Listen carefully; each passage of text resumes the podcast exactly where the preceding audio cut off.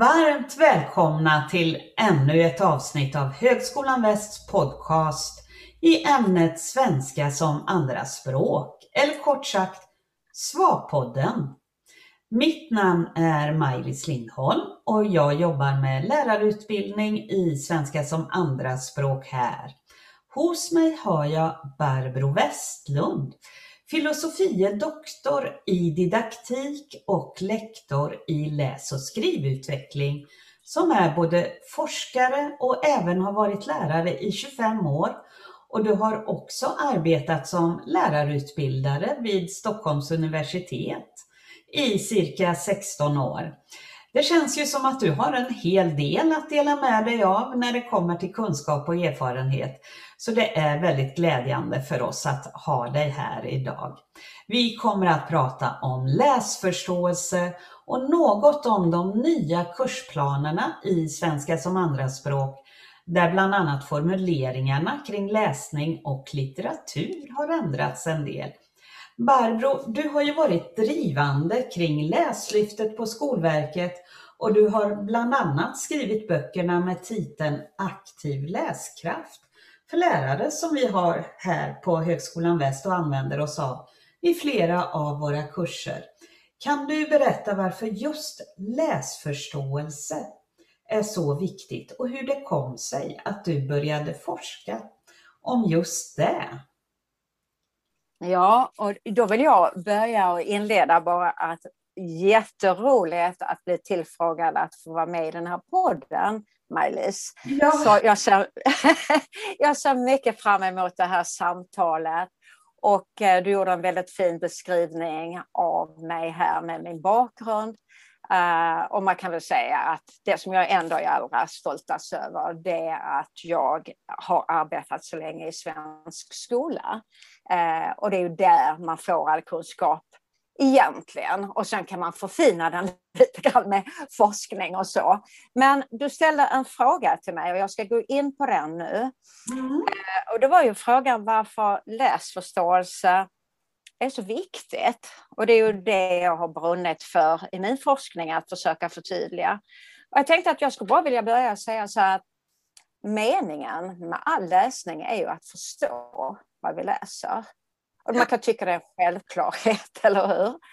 Men äh, jag kan nog tycka när jag tittar tillbaka på svensk skola och svenska läroplaner svensk skolpraktik att man nog har betonat mer den mekaniska sidan av läsningen och att förståelsesidan har mer eller mindre tagits för givet att eh, den kommer när man kan läsa mekaniskt. Och där ser jag ju en väldig fara när vi också pratar om andraspråkselever eller flerspråkiga elever. För det är så väldigt mycket lättare att eh, undervisa om den mekaniska läsningen. Så jag skrev den första boken och stack väl ut med den 2009 den blev uppdaterad 2012 och då heter den ju att undervisa i läsförståelse. Och de frågor jag fick var väl, det kan man väl inte göra?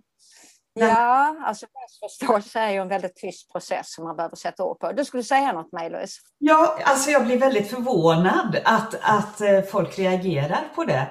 det jag, för ja. mig är det så viktigt och så självklart.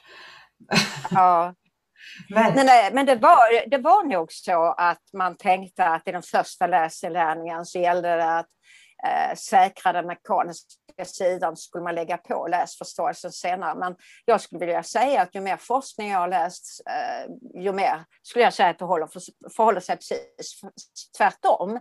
Eftersom tanke och språk hänger ihop. Alltså man ska ju in och eh, eh, undervisa i, ja då blir det ju nästan hörförståelse när de här små barnen, till och med i förskolan, inte läser själva, men de lyssnar och de tänker och utmanas i sitt tänkande.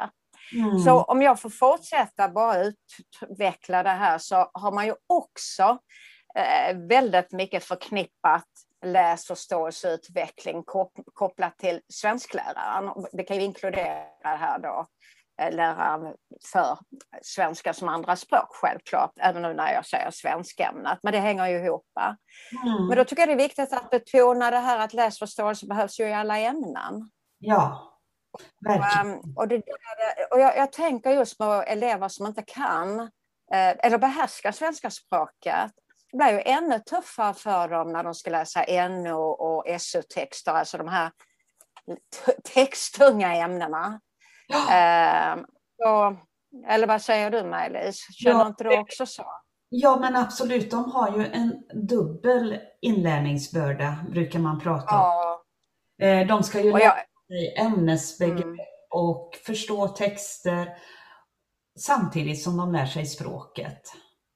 Precis, och jag har ju jag har ju haft en förebild i bland annat den kanadensiska läsforskaren Jim Cummins, säkert ja. ett väldigt välkänt namn för er.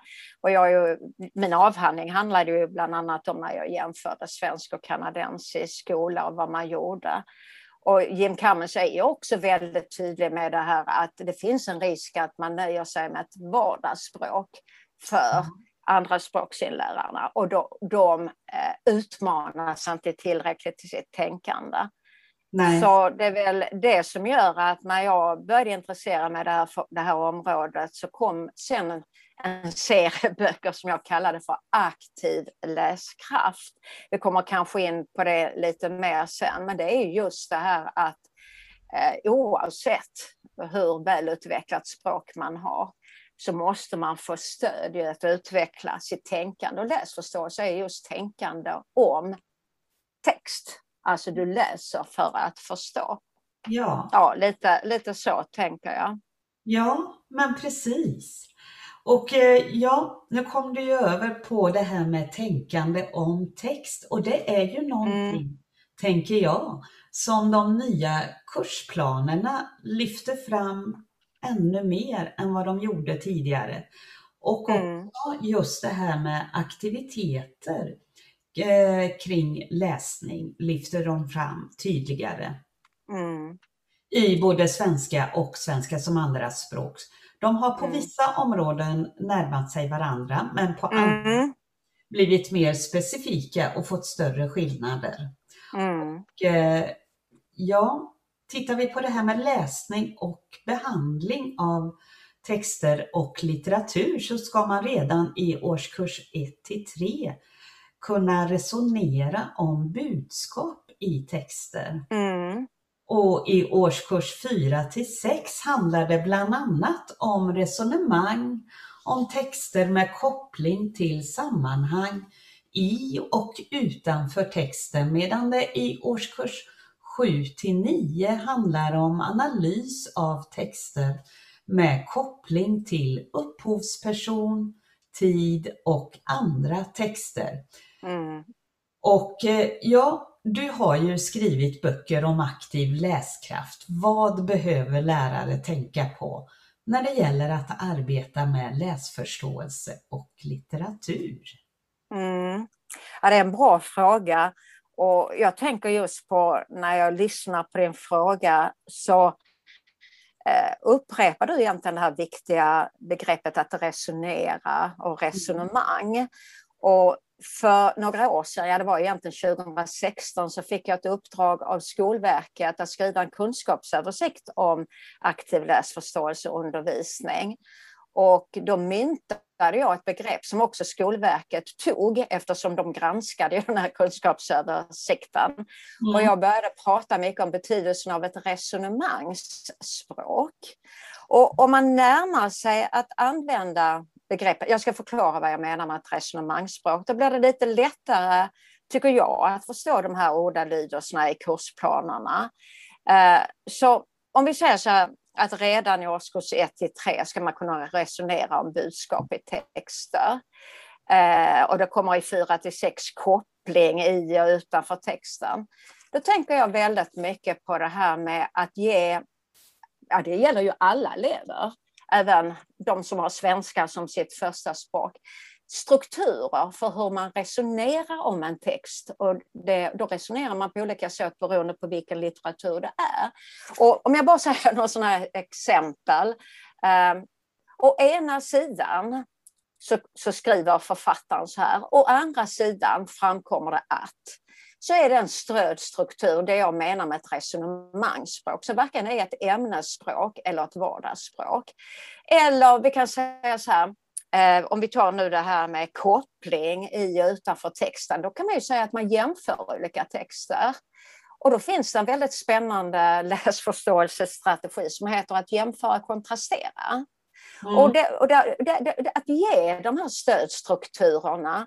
Och då hoppar jag över från de här resonemangsfraserna till betydelsen som uttrycks nu tydligt i de uppdaterade kursplanerna för svenska och svenska eh, som andraspråk. Och det är det här att använda grafiska modeller. Mm. Och det där kan jag också tycka är lite intressant för att jag började ju forska ganska tidigt om de här sambanden redan i början av 2000-talet. Stöter på en internationell rapport som heter International Read, nej, National Reading Panel, förlåt, NRP, National Reading Panel. Och det var en stor, eh, fantastisk rapport som står här i en bokhylla. Och jag blev alldeles fascinerad över hur mycket man hade forskat fram hur språket stöds av grafiska modeller. Och då menar jag inte bara en tankemodell utan ni har säkert hört talas om det här med Venn-diagram, två cirklar mm. där man jämför. Och det är ju ett sätt då att få fram ett resonemangsspråk, jämföra texter, jämföra delar av en text i samma text. Så jag tycker det här att det blir ibland, om jag får lov att säga så här, och det vågar jag väl, mm. Att det blir lite abstrakt uttryckt i kursplanerna där jag blir lite bekymrad över att det lämnar över så mycket till lärare att tolka själva. När vi egentligen har väldigt mycket forskning om vilka didaktiska verktyg vi faktiskt kan använda i undervisningen mer konkret. Så jag nämnde det här, ge stödstrukturer, resonemangsfraser. Eh, och jag nämnde det här med grafiska modeller. Man kommer så långt med det här. Mm. Men det, det, det ges ju, alltså den svenska läroplanen och kursplanerna bygger ju inte på att man ger metoder till lärare. Utan det kommer, jag tror det kom på 90-talet, Skola för bildning. Att lärare skulle vara så professionella så de skulle själva utveckla alla de här tankarna. Mm. Men då tycker jag det är lite intressant. Jag då som är lite intresserad av läroplans... Nu, nu viker jag ut här lite grann Maj-Lis, men ja, ingen jag är engagerad i de här frågorna när vi pratar om ordalydelse och hur man ska tolka. Och jag har ju då gjort jämförelser mellan kanadensisk läroplan mm. och finsk läroplan. Ah. Och ingen av dem går ju in och pratar om enskilda metoder, men de förklarar varför detta är så viktigt. Eh, till exempel den kanadensiska läroplanen förklarar man Vygotskys tänkande med att tanke och språk hänger ihop. Så alltså att man förstår det här. Betydelsen av att modellera, vad är det? Att mm. tänka högt. Ja. Och sen tycker jag likadant i den finska läroplanen, för de är väldigt lika de två läroplanerna, det har jag också gjort en jämförelse av. Eh, så gör man mycket, mycket mer. Ja, det är ett spännande område. Det är synd att jag är så gammal, Maj-Lis, jag har gått i pension, för annars skulle jag doktorera en gång till. Nej, men eh, jag hade nog gett mig in i det här området. Jag tycker det är så spännande. Vilka, för att sammanfatta det här, vilka ja. verktyg får lärare i olika länder för att uppfylla sitt uppdrag? Och jag kan tycka att det är lite orättvist ibland att vi lämnar över så mycket tolkning till den svenska läraren. Mm. Uh, ja, ja, nu får jag släppa in dig, för nu pratar jag mycket, men jag blir syrig. Ingen fara. Eh, jag kan absolut hålla med dig om det, men eh, jag gillar ju de här nya kursplanerna, att mm. de blivit lite mer specifika. Ja, jag håller helt med. Texten har byggts ut kring läsförståelse och kring mm. och eh, just det här med att de lyfter fram att eh, aktiviteter kring läsning tänker jag är ja. väldigt bra. Ja. Men jag håller absolut med dig om just det här med att lärare behöver få verktyg med sig i sin utbildning när det gäller läsförståelse. Mm. Och mm ja, grafiska modeller som du nämner, jag tänker det är ju jättebra.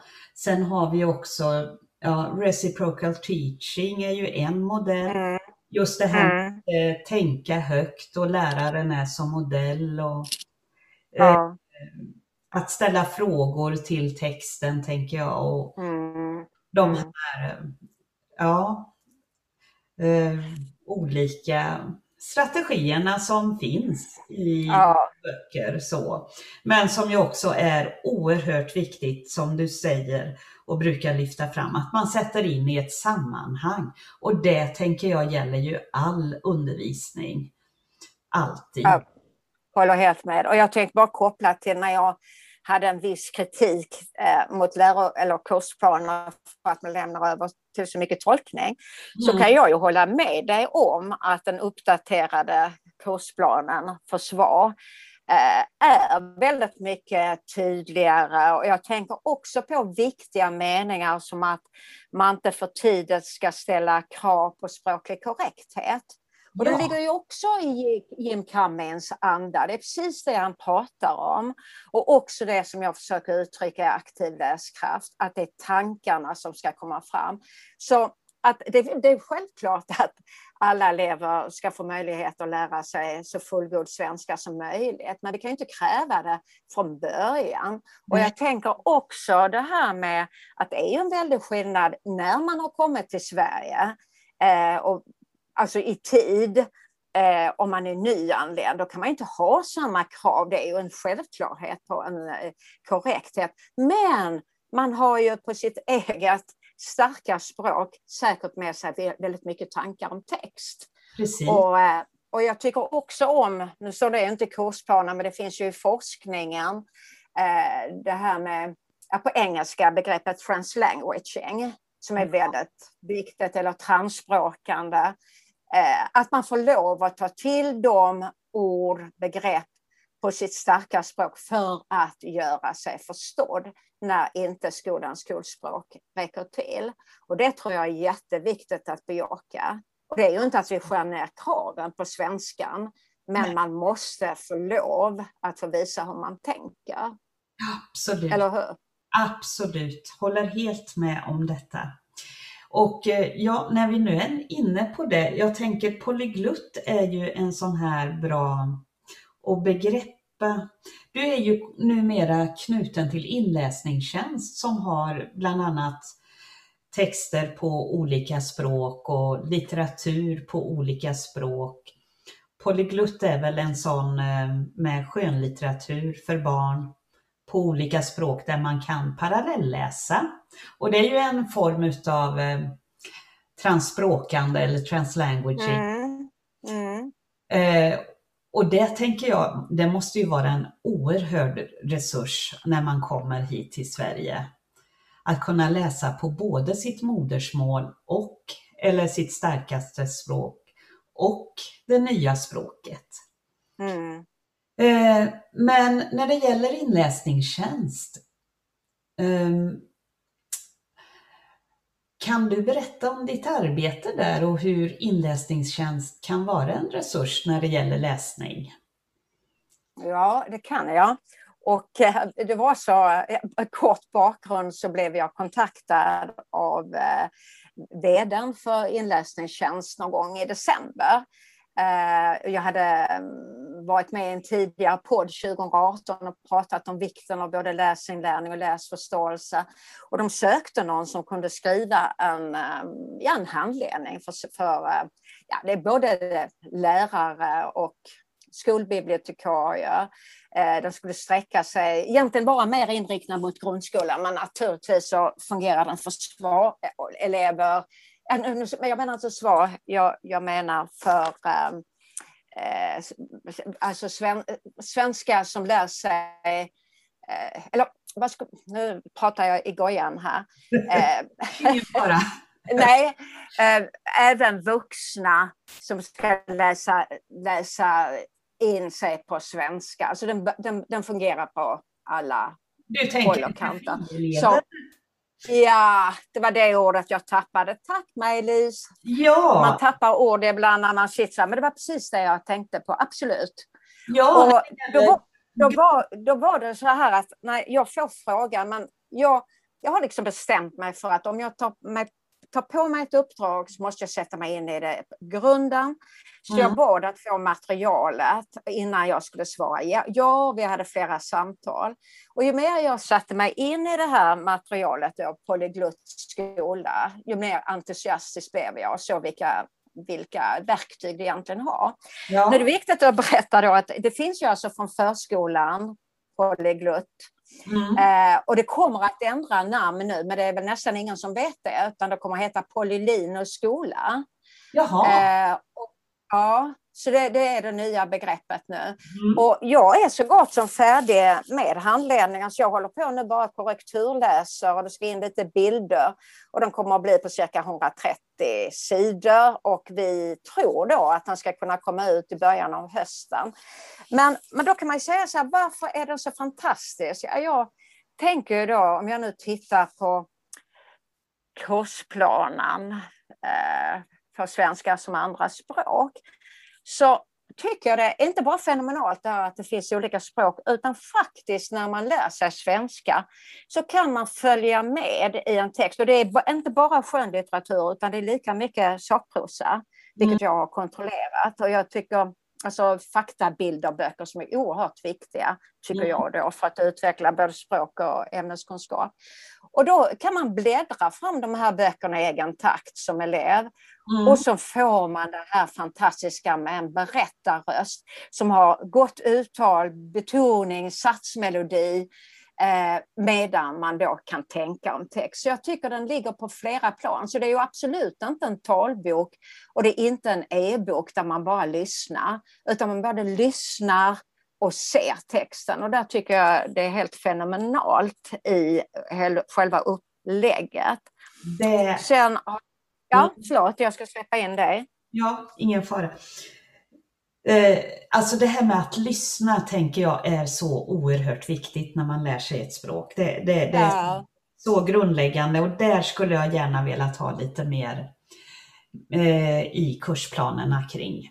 Mm. Ja. ja, men det absolut. Och det, idag pratar vi ju mycket om betydelsen av hörförståelse som ligger nära läsförståelse. Men man får inte heller förväxla så att man tror att det räcker att elever bara sitter och lyssnar på böcker. Utan är det läsförståelse så handlar det om att man kan lyssna på text men man också följer med texten. För annars fungerar inte det här. Det finns en formel som heter The Simple View Reading där man pratar om både avkodning och språkförståelsen, att de är lika viktiga delar. Då tar vi ju bort avkodningen och då hjälper vi inte våra elever som ska lära sig svenska språket att avkoda det. Som kan vara en stor skillnad både i meningsbyggnad och annat från sitt eget modersmål.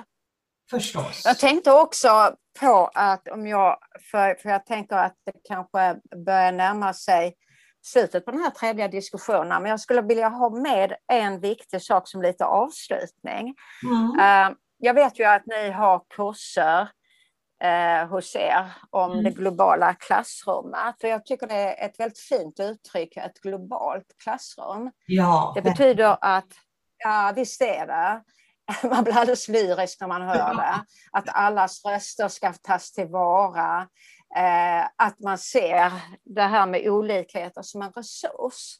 Ja. Och då tänkte jag att jag skulle bara vilja nämna, eh, jag skrev en bok och den heter Att undervisa för livslångt lärande och den kom 2019.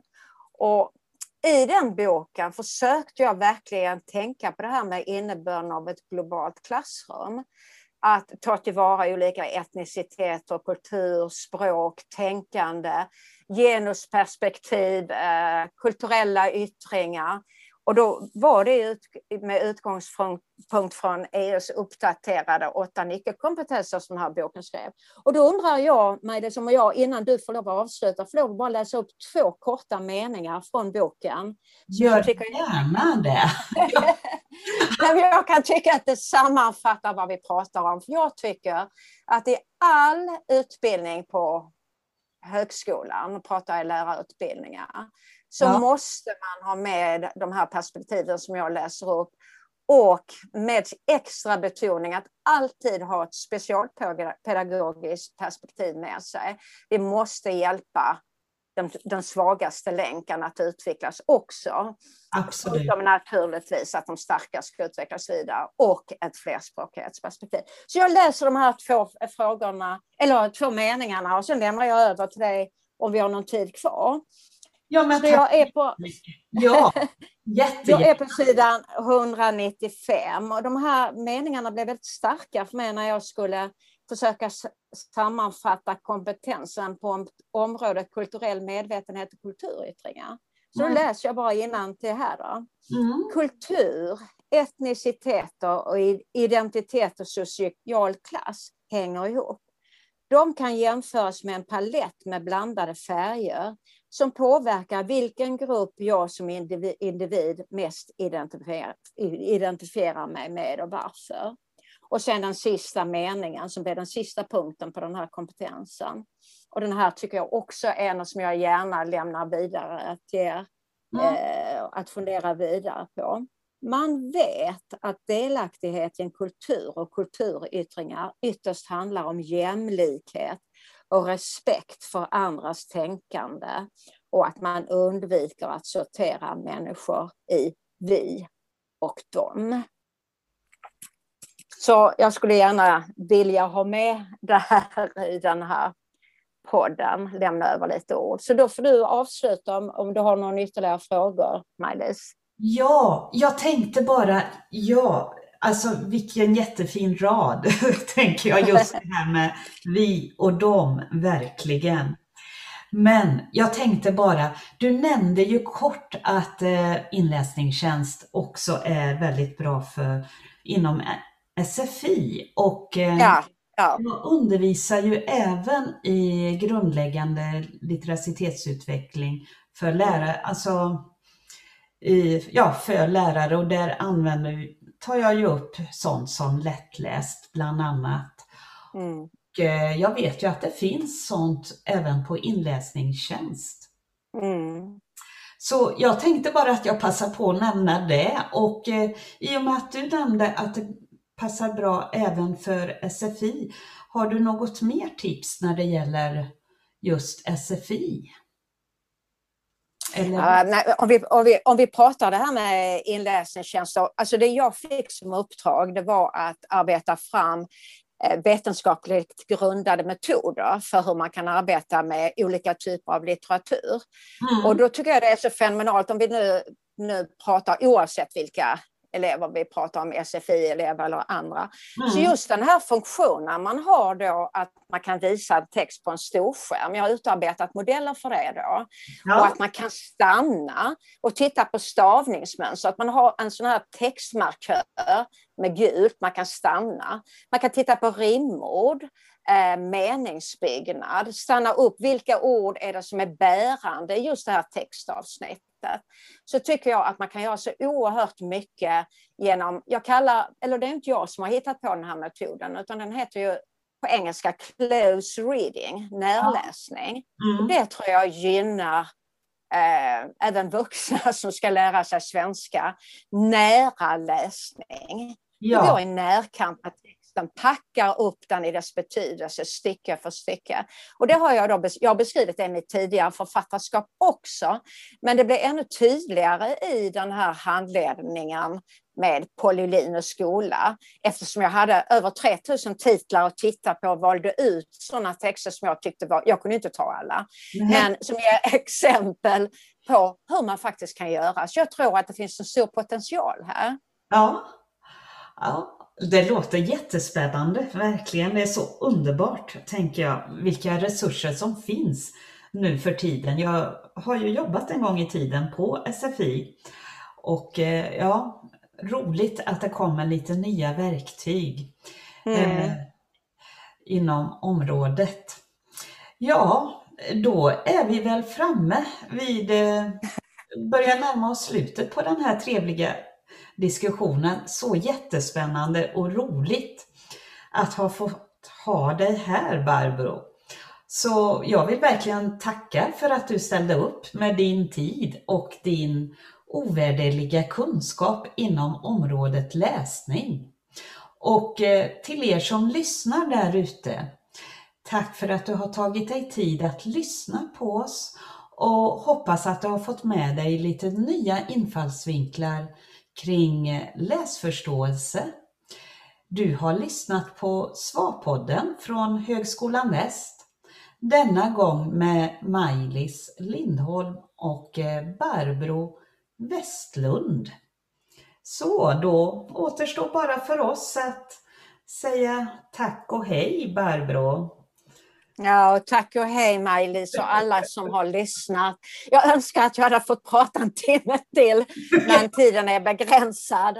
Men området, eh, det är stort och viktigt. Jätte... Så, tack så mycket. Verkligen, ja. Tack så mycket. Hej då.